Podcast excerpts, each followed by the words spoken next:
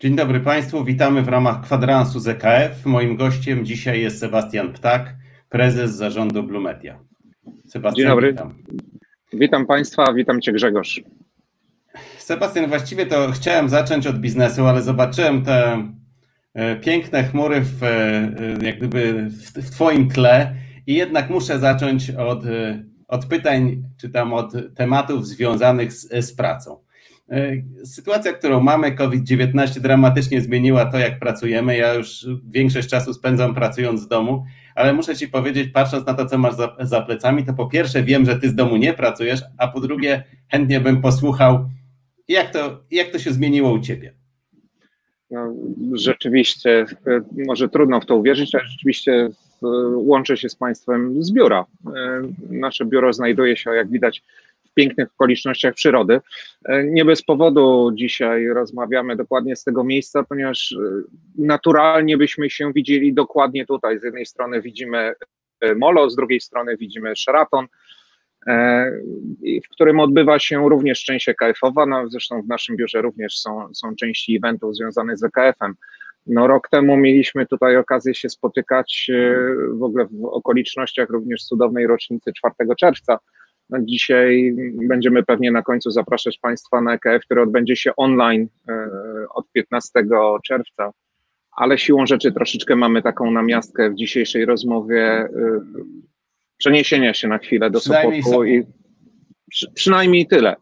E, natomiast no, rozmawiamy z biura, to już zdradza trochę, że, że Blue Media po części wraca do biura. E, trzeba też pamiętać, że Pomorskie, jeżeli chodzi o zachorowalność, jest w dosyć komfortowej sytuacji. My bardzo szybko przeszliśmy na, na pracę zdalną, byliśmy przygotowani od praktycznie od połowy lutego już do, do, do pierwszych testów pracy zdalnej, kiedy sytuacja przyspieszyła. Przeniesienie się no, dla firmy technologicznej no, nie jest jakimś wielkim, skomplikowanym elementem, zwłaszcza, że w planach ciągłości działania również testowaliśmy mm, pracę zdalną. Natomiast dzisiaj odwołujemy się troszeczkę do takiego zdrowego rozsądku. E, dzisiaj w biurze pewnie jest, nie wiem, może z 15 20 osób. Serdecznie pozdrawiam wszystkich pracowników media, którzy ewentualnie teraz oglądają z wewnątrz tego biura e, nasze spotkanie. Myślę, że e, jednym z takich ważnych lekcji, którą mamy po tym covid jest to, że chyba wszyscy zaczynamy używać, jedni mówią jak prezes Typułkowski o pracy hybrydowej, ja mówię to jest biuro w architekturze rozproszonej. Coś, co kiedyś było u nas chociażby zalecane, jeżeli mówiliśmy, chcesz popracować koncepcyjnie, no to, to, to możesz zostać w domu, bo w biurze często przez ilość interakcji nie jesteśmy w stanie e, skupić się na, na, na ważnych tematach, które chcemy e, w jakiś sposób tam przemyśleć. Mm, dzisiaj wielu pracowników ceni sobie to, że nie musi dojeżdżać do pracy, że może zaoszczędzić godzinę, dwie w korkach. No pewnie w Warszawie te oszczędności są dużo wyższe, e, w Nowym Jorku pewnie najwyższe, no ale nie porównujemy się. Natomiast e, to, to po prostu z nami zostanie, to przyspieszy pewien taki element, który e, Rozmawialiśmy o telepracy, mówiliśmy o pracy zdalnej, ale cały czas to było takie zaklinanie i mówienie często, już słyszałem, mówię, nie, no, no musimy przyjść do biura, bo, bo przecież tu są ludzie. Ale to jest powielanie trochę takiego schematu, który był, nie wiem, no jeszcze pewnie ze 100 lat temu. Nie mieliśmy środków porozumiewania na odległość, w związku z czym jedyny sposób, żeby na przykład uzgodnić umowę, było to, że wszyscy musieli zebrać się w jednym pokoju. A teraz jest jak widać. Chociażby przykładem jest Twoja obecność. Grzegorz, skąd się z nami łączysz? No ja się łączę z domu. E, to prawda, IBM e, no jest jeszcze daleko od powrotu, to znaczy przyjął raczej strategię, że jak chcesz udać się do biura, to musisz poprosić o zgodę szefa E, musisz wejść przez recepcję, e, ponieważ twoja karta wejściowa do biura nie działa e, i musisz dostać na recepcji nową. Ale rzeczywiście jest to pewna zmiana, no to jest chyba jednak spojrzenie firmy amerykańskiej, która no patrzy jednak z perspektywy rynku amerykańskiego, a chyba jednak skala zachorowań i problemów, które mamy w tej chwili tam jest większa niż u nas, więc to jest jedno. Do tego no, szczególnie w obszarze sprzedaży byliśmy przyzwyczajeni do pracy zdalnej, wielu naszych sprzedawców z założenia pracowało zdalnie ale muszę przyznać, że to nie wszystko działa idealnie. To znaczy, utrzymywanie kontaktu z, z klientami, z partnerami, z którymi już żeśmy je nawiązali wcześniej, w tej formie działa. Natomiast przyznam, budowanie nowych relacji e, jest bardzo utrudnione. Jednak mm, przekaz, który uzyskujemy przez telefon, e, czasami przez wideo, mimo wszystko często przez telefon, ponieważ się okazuje, że jakość tych łącz wcale nie jest taka genialna, utrudnia nawiązanie relacji, czyli to budowanie zaufania, to od czego zaczynamy, staje się trudne. E, to chyba z mojej perspektywy jest największym wyzwaniem w przód. Nie wiem, jak z Twojej, Sebastian, wygląda praca z klientami. Rzeczywiście, no, to taka zabawna sytuacja, że dwóch menadżerów, którzy zajmują się cyfrowym światem, mówi o tym, że brakuje nam e, kontaktu fizycznego, ale rzeczywiście to jest chyba taki element, który, który, nad którym musimy popracować. Znaczy, dotarcie do nowego klienta, tak jak mówisz, wiąże się z budową zaufania a jednak e, technologia owszem oddaje nasz głos, obraz, tło, natomiast nie oddaje masy innych sygnałów, które, które wysyłamy. I, I, dobrze rozumiemy, że dzisiaj na przykład bardzo prosta rzecz. E, przyjeżdżam z Sopotu do, do Warszawy e, na spotkanie i zawsze naturalnym sposobem takiego rozpoczęcia i nawiązania takiej rozbiegówki rozmowy jest, nie wiem, jak podróż minęła chociażby, tak? To jest element poznania człowieka troszkę z takiego small talku, ale, ale który jest niesłychanie ważny w, w części biznesowej. W przypadku e, połączenia takiego technicznego, no, gubimy pewien taki element, bym powiedział, naprawdę stricte ludzki. I, i to myślę, że będzie jakimś dla nas wszystkim wyzwaniem, jak budować, ale też jak słuchać naszych partnerów e, w, w takiej sytuacji, kiedy mamy tylko kontakt właśnie no, stricte techniczny. Wiesz co, ale z drugiej strony mamy inny kontakt ludzki. Pamiętam, że jeszcze ileś lat temu, to nie wiem, dzieci w tle, szczekający pies było, było czymś, co absolutnie było nieakceptowalne. Znaczy biznesowo, no uważało się za nietakt e, w jakiś sposób. W tej chwili ten smoltok zaczyna się, no myśmy zaczęli od, od e, pięknego nieba za twoimi plecami, natomiast to bardzo często mamy sytuację, no ludzie pracują z domów, mamy, yy, mamy tło. E, widzę, że zaczynamy mieć pytania, niektóre mnie już zainteresowały. E, szczególnie widzę pytanie dotyczące New Normal. E, to może ja zacznę, zanim Cię przepytam od New Normal, to jednak zacznę. To znaczy, ja absolutnie jestem zdania, że rozmawiamy o New Normal. To znaczy, ci, którzy uważają, że nie wiem, poczekamy jeszcze miesiąc, dwa, trzy, kwartał, rok, wszystko jedno, jaka to będzie data i wróci to, co było, to się mylą. To znaczy, wróci na pewno, ale to nie będzie to samo, to będzie inny rodzaj prowadzenia biznesów. E, na pewno nam przybędzie konferencji online i myślę, że te konferencje online nie będą jedynymi konferencjami, w których będziemy brali udział, ale będzie ich zdecydowanie więcej niż ich było kiedyś. Myślę, że biznes będzie inny. E, chociażby taką bardzo ciekawą statystykę doświadczeń z olbrzymiego IBM-owego kongresu, który zawsze ostatnimi laty odbywał się w San Francisco w maju okazało się, że to, że było na nim znacznie więcej ludzi, to znaczy online zarejestrowanych, niż bywało nawet na tym kongresie, który się odbywał na miejscu, to było jedno. Ale również było drugie.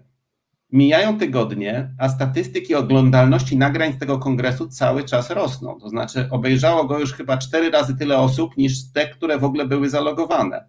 Kiedyś czegoś takiego nie było. Oczywiście te nagrania były dostępne, ale nikt ich nie oglądał. Inny biznes. Dokładnie tak. Dokładnie tak. Znaczy, wydaje mi się, że ta, ta zmienność e, świata będzie już wpisana. Zgadzam się trochę z Tobą, że ci, którzy wieszczą mm, jakieś globalne zmiany we wszystkich aspektach, e, prawdopodobnie tak się nie wydarzy. Mamy jednak tendencję do tego, żeby e, pewne rzeczy się stabilizowały na poziomie, który znamy i lubimy. E, na pewno praca zdalna będzie, na pewno tak jak mówisz, konferencje. Ja przypominam sobie Grzegorz e, zaprzyjaźnionego z EKF-em Kongresu Forum Technologii Bankowych, kiedy trzy lata temu robiliśmy pierwszy chyba taki połączone, hybrydowe połączenie, kiedy e, Paweł Jakubik z Microsoftu prowadził panel, którym wszyscy łączący się byli zdalnie, online.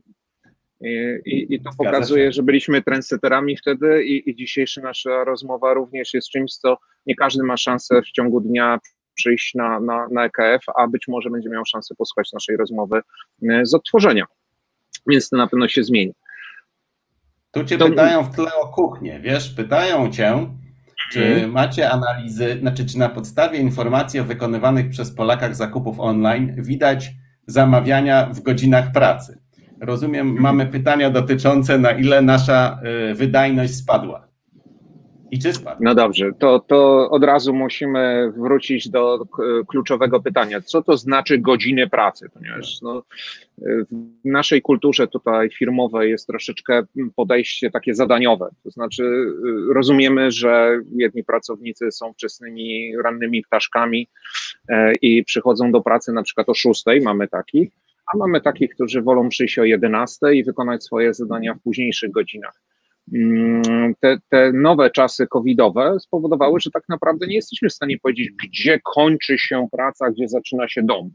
To taka dyskusja trochę o work-life balance, której ja strasznie nie lubię, bo na takie czasami jest uproszczenie 8, 8, 8, 8 godzin snu, 8 godzin pracy, 8 godzin odpoczynku. Nieprawda. Ja mówię, work-life balance oznacza tylko jedno. Jeżeli czujemy, że jakaś część naszego życia bierze znaczącą przewagę nad drugą, no to powinniśmy zacząć się martwić ale w okresach zawodowych mamy to różnie. W związku z czym, jeżeli patrzymy sobie na to, jak Polacy kupują, jeżeli kupują w ciągu dnia, to czy to oznacza, że to było w godzinach pracy? Co znaczy godziny pracy? Znaczy, godziny pracy są wtedy, jeżeli wykonałem zadanie. Jeżeli wolę pracować teraz w czasach covidowych, nie wiem, od godziny 22 do 5 rano, bo mamy takich takie sytuacje, że ktoś po prostu życiowo nie, nie ma szansy, bo ma dzieci w domu, nie ma kiedy się skupić, więc godziny wieczorne dopiero są e, godzinami, kiedy może popracować. Ja powiem tak, w czasach przedcovidowych mamy mnóstwo badań, które, które są dostępne między innymi na naszej stronie, którymi dzielimy się z, z całym światem. Mówią nam wprost, że przed COVID-em jak najbardziej to zjawisko występowało. Poniedziałki, godzina 10, 11, zawsze piki zamówień widocznie po weekendzie coś nam wpadło do głowy i akurat musimy na nudnym zebraniu y, dokonać podstawowego zakupu życiowego typu nowa koszula. No cóż, sam muszę przyznać, że prezentację sprawę nie związaną z dzisiejszym y, spotkaniem naszym i, nagraniem, tylko zupełnie z innym tematem. Skończyłem punktualnie o 12 wczoraj w nocy, ponieważ akurat to był najlepszy dla mnie czas po kolacji, żeby do niej usiąść dobry termin, zły, po prostu rzeczywiście zgadzam się, że zadaniowo y, y, to działa. Natomiast oczywiście nie wszystkie rodzaje biznesów na taką formę y, mogą sobie pozwolić. Mam jeszcze jedno pytanie, które chciałbym z Tobą przedyskutować, bo jest ciekawe. To znaczy, spojrzenie z perspektywy banku, to znaczy, jak, jak w ogóle zachęcić, jak nawiązywać relacje z nowym klientem, jeśli z perspektywy banku, jeśli mamy tylko klientów zdalnych. No, oczywiście pytanie o przyszłość oddziałów nasuwa się równolegle, ale powiedzmy ono jest trudniejsze. Mhm. No to tu trafiamy w punkt, y, który, który mi osobiście jest bardzo bliski, czyli e, dwie strategie, które tak powoli się kształtują w tych czasach covidowych e, odnośnie banków i relacji ze swoimi klientami. Pierwsza jest taka mm, mocno centralistyczna, budowanie bardzo silnej, mocnej marki, portalu, do którego przyciągamy klientów, w którym oferujemy mu bardzo dużo usług i dajemy jakby możliwość klientom, że trafiając do jednego miejsca, tak naprawdę mogą zrobić dzisiaj wszystko od e, zrobienia przelewu natychmiastowego przez zakup do ładowania, czy też nawet zakupu e, przejazdu autostradą, chociaż pewnie dzisiaj tych przejazdów jest troszeczkę mniej. Natomiast druga opcja jest e, taka, żeby stworzyć taki, tak jak mamy biuro w architekturze rozproszonej, najprawdopodobniej trafi nam się też wysyp strategii związanych z rozproszonym systemem bankowym. To znaczy banki wyjdą do klientów i zaczną się umiejscawiać dokładnie tam, gdzie klienci dokonują swoich czynności. I, I, mamy już takie przykłady. ePUAP chociażby jest takim klasycznym przykładem, gdzie tak naprawdę realizujemy coś przy użyciu banku, ale w zupełnie innym miejscu niż bank. Prawda? Więc... Już kiedyś taka próba była. To były banki, które działały w Second Life. Nie wiem, czy pamiętasz ten czas. Dokładnie tak, tak, tak. Rzeczywiście. To nie wypaliło to, to... wtedy, to nie zadziałało. Było to za bardzo wirtualne środowisko, ale, ale jest to prawda. Tylko czy ta zmiana, tylko czy ta zmiana tego nie zmieni? Grzegorz, zobacz, mamy teraz taką sytuację, w której mówimy, żeby klienci y, korzystali z czegoś takiego, mówimy everyday banking, tak? Co znaczy everyday banking? Czy everyday banking oznacza to, że e, banki będą niczym centrum handlowe, do którego wchodzę i mogę załatwić absolutnie wszystko, ale równie dobrze widzimy na świecie drugi trend, czyli jednak chcę pochodzić po tych moich sklepach osiedlowych i tam być. I czy tam będą banki? Myślę, że tak, bo to nie jest tak, że jedna strategia jest lepsza od drugiej, one są po prostu inne. I, i to przyspieszenie, o którym mówisz, tak, Second Life, kapitalny przykład, e, który się nie sprawdził, bo był za szybko. Dzisiaj jesteśmy przyzwyczajeni do tego, że nasz świat, nasze biuro, nasz, e, nasz sklep jest u nas w domu. tak, patrząc po ilości wzrostów w ogóle zakupów online'owych, nie tylko to widzimy u nas w naszych systemach przetwarzających płatności dla, dla e-commerce'u, ale chociażby z rozmów z partnerami, nie wiem, w firmach kurierskich, tak, które, słuchajcie, no tam jest 24 godziny na dobę jest y, przerób. Więc siłą rzeczy, gdzie jest nasz sklep? No tam, gdzie ty siedzisz, Grzegorz, i tu, gdzie ja siedzę, prawda? I czy tu jest nasz bank? Tak, tak, wiele naszych banków tam, jest już tutaj z nami. Tak. Dokładnie tak. No co prawda nam tutaj e, słuchacze czy e, oglądający e, pod, podpowiadają, że jednak mamy równolegle w czasie pandemii wzrost obrotu gotówkowego, ale myślę, że to chyba, nie wiem jakie jest twoje spojrzenie, moje jest chyba jednak takie, że to jest początkowy okres i strach, który spowodował, że ludzie poszli do bankomatów i wybrali pieniądze, bo jednak... Muszą teraz się, je wydać. Tak, że większość transakcji, znaczy, że jednak mamy tak duży wzrost transakcji online'owych, przez ostatnie trzy miesiące, że gdyby myślę, że taki będzie trend.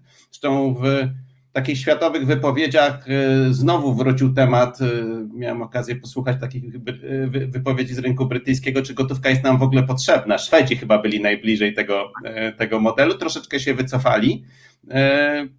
No, gdyby dla ciebie to chyba norma, bo ty żyjesz w świecie płatności jednak bezgotówkowych. Jasne, ale muszę też tu przyznać troszeczkę, że e, zgadzam się z zdaniem e, szefa Banku Centralnego Szwecji, który powiedział wprost, że likwidacja gotówki to zamach na demokrację. E, ja to czytam w ten sposób, że jednak musi zostać jakaś strefa, która jest rozliczalna w sposób pozasystemowy, chociażby dla takiego bezpieczeństwa obywateli. Co nie znaczy, że z powodów oczywiście mm, wygody, sam pewnie w portfelu mam tylko tyle, żeby przetrwać, gdyby wszystkie systemy padły i żebym chociaż mógł przysłowiowego batonika kupić albo wrzucić do parkometru, tam gdzie jeszcze niestety nie ma możliwości płatności zdalnych. Więc no, siłą rzeczy no, oczywiście wszyscy się digitalizujemy jeszcze bardziej. Mm, ja też trochę zwracam uwagę, że w tym punkcie mamy tak, że mnóstwo osób, które wcześniej nie korzystało z tych cyfrowych zdobyczy, mieliśmy taką grupę, która cały czas mówiła, dobrze, ja tu zostaję cały czas w tym świecie naziemnym, płacę tą gotówką, zaczyna skorzystać z tych systemów elektronicznych, to też musimy powiedzieć sobie wprost, jest to w pewien sposób zagrożenie, ponieważ w bardzo krótkim okresie czasu e, wiele osób, które wcześniej nie korzystały z tych zdobyczy, przechodzi taki no, super przyspieszony kurs wszystkiego w internecie, co oczywiście pewnie powoduje, że cyberprzestępcy mają coraz więcej nowych pomysłów na to, żeby, no, żeby po prostu dotrzeć do tych osób, chociażby z nowymi metodami phishingowymi. No, y, znaczy zagrożenia cyfrowe tylko rosną. Znaczy, to jest taki temat bez końca, który byśmy mogli podciągnąć. Mnie jeszcze zainteresowało pytanie dotyczące offshoringu. Y, czy to nie jest e, czas powrócić z, nie, e, z niektórymi procesami do Europy? No, w artykule, który popełniłem jakiś czas temu dla Alebank, dokładnie to napisałem. To znaczy, powiedziałem, że jak gdyby okazało się, że szczególnie w przypadku, kiedy mówimy zupełnie o offshoringu, a nie o nearshoringu, że jednak kraje zajmują się najpierw swoimi problemami, a potem naszymi. Czyli jeśli w tych krajach, do których y, przekazaliśmy nasze przetwarzanie, jest bardzo duży problem, no to, no to my będziemy obsłużeni gorzej. No, tak wygląda codzienność. Czy to oznacza y, koniec offshoringu? Nie, nie sądzę. Myślę, że to oznacza y, jednak, no, szczególnie dla banków, nowy wymiar w procesach e, ciągłości działania, bo myśmy się raczej w procesach ciągłości działania dla banków nastawiali na niedostępność infrastruktury szeroko pojętej, bardziej niż na niedostępność ludzi. E, I, i, I, wielu bankowców mówiło, że te procesy wymagają troszeczkę zweryfikowania w tej chwili. Ja powiem tak po trochu powinienem się cieszyć oczywiście, bo jestem spółką polską, z polskim kapitałem, więc e, patriotyzm e, zacznie być cenie zupełnie z innego powodu, nie tylko polityczno-społecznego, ale również po prostu gospodarczego. E, może się okazać, że dla polskich firm jest to znakomita informacja, bo ten, tak jak mówisz, offshoring będzie rewidowany pod dwoma kątami, moim zdaniem. Pierwszym to jest, tak jak mówisz, ciągłość działania ale z drugiej strony, jeżeli zobaczymy, że gdzieś będziemy mieli realne przypadki y, zastojów i, i, i problemów technicznych i problemów, które będą wycenione y, w pieniądzu, y, nagle okaże się, że jakość wróci z powrotem na, na stoły zarządów, nie tylko banków, ale, ale i innych wielkich przedsiębiorstw, które gdzieś musi ta pogoń za cięciem kosztów się zakończyć. I Ja rozumiem, że oczywiście sektor bankowy, o którym dzisiaj rozmawiamy, jest w bardzo trudnej sytuacji, dlatego że jest zawsze jednym z najbardziej regulowanych, a, a zawsze w tych sektorach regulowanych mamy sytuację, gdzie e, cięcie kosztów no, musi być na porządku dziennym, bo nie zawsze jesteśmy w stanie w fazie dużej konkurencji e, zasypać dziury regulacyjne tylko i wyłącznie strefą przychodową. Więc być może ten offshoring zamieni się po prostu w lepsze wykorzystanie sił, które mamy tutaj. Cały czas jednak um, usługi firm polskich są konkurencyjne i jakościowo, i cały czas twierdzę cenowo. No na pewno od tej dyskusji na temat innowacji nie uciekniemy. Miało być 15 minut, minęło już 20, więc mam tylko dwie informacje. Po pierwsze, widzę całą listę pytań pojawiających się. Ja spróbuję na te pytania z, mam nadzieję, z pewną pomocą Sebastiana odpowiedzieć potem, to znaczy spróbujemy je zebrać, napisać krótkie odpowiedzi i umieścić je razem z nagraniem, po to, żeby być w stanie zaadresować to, czego nam się nie udało w trakcie. Ja bym chciał, Sebastian, bardzo podziękować za rozmowę, e, a wszystkich Państwa chciałbym zaprosić na EKF Online e, od przyszłego poniedziałku, a specjalnie na sesję, którą będę prowadził w środę e, o godzinie 11 która również będzie dotyczyła innowacji i tym razem będziemy mieli okazję porozmawiać z większym gronem bankowców na temat, co dla nich było innowacyjne. Sebastian. Grzegorz, e, również dziękuję za dzisiejsze spotkanie, za super rozmowę. E, mam nadzieję, że w październiku, kiedy będziemy mieli okazję, oby spotkać się w rzeczywistości, to spotkamy się między innymi tutaj na naszych tarasach, na jednym z eventów, który jest współorganizowany razem z EKF-em. E, tu czasami widać na mojej twarzy lekki cień, to e, Grzegorz, to chmura, o której nie zdążyliśmy tym razem porozmawiać, ale myślę, że ta chmura to nie będzie cień na naszej gospodarce, tylko raczej odsłoni się i, i dzięki temu się lepiej rozwiniemy. Wszystkiego... O chmurze na pewno porozmawiamy w przyszłą środę. Życzymy pewnie Państwu wszystkiego dobrego i zdrowia, bo okazuje się, że kiedyś te zwykłe pozdrowienie życzę Państwu zdrowia było częścią smoltoku, a dzisiaj jest poważną deklaracją sympatii. Zdrowia dla wszystkich. Bardzo dziękuję Sebastian, bardzo dziękuję Państwu. Dziękuję. Do widzenia. Do widzenia.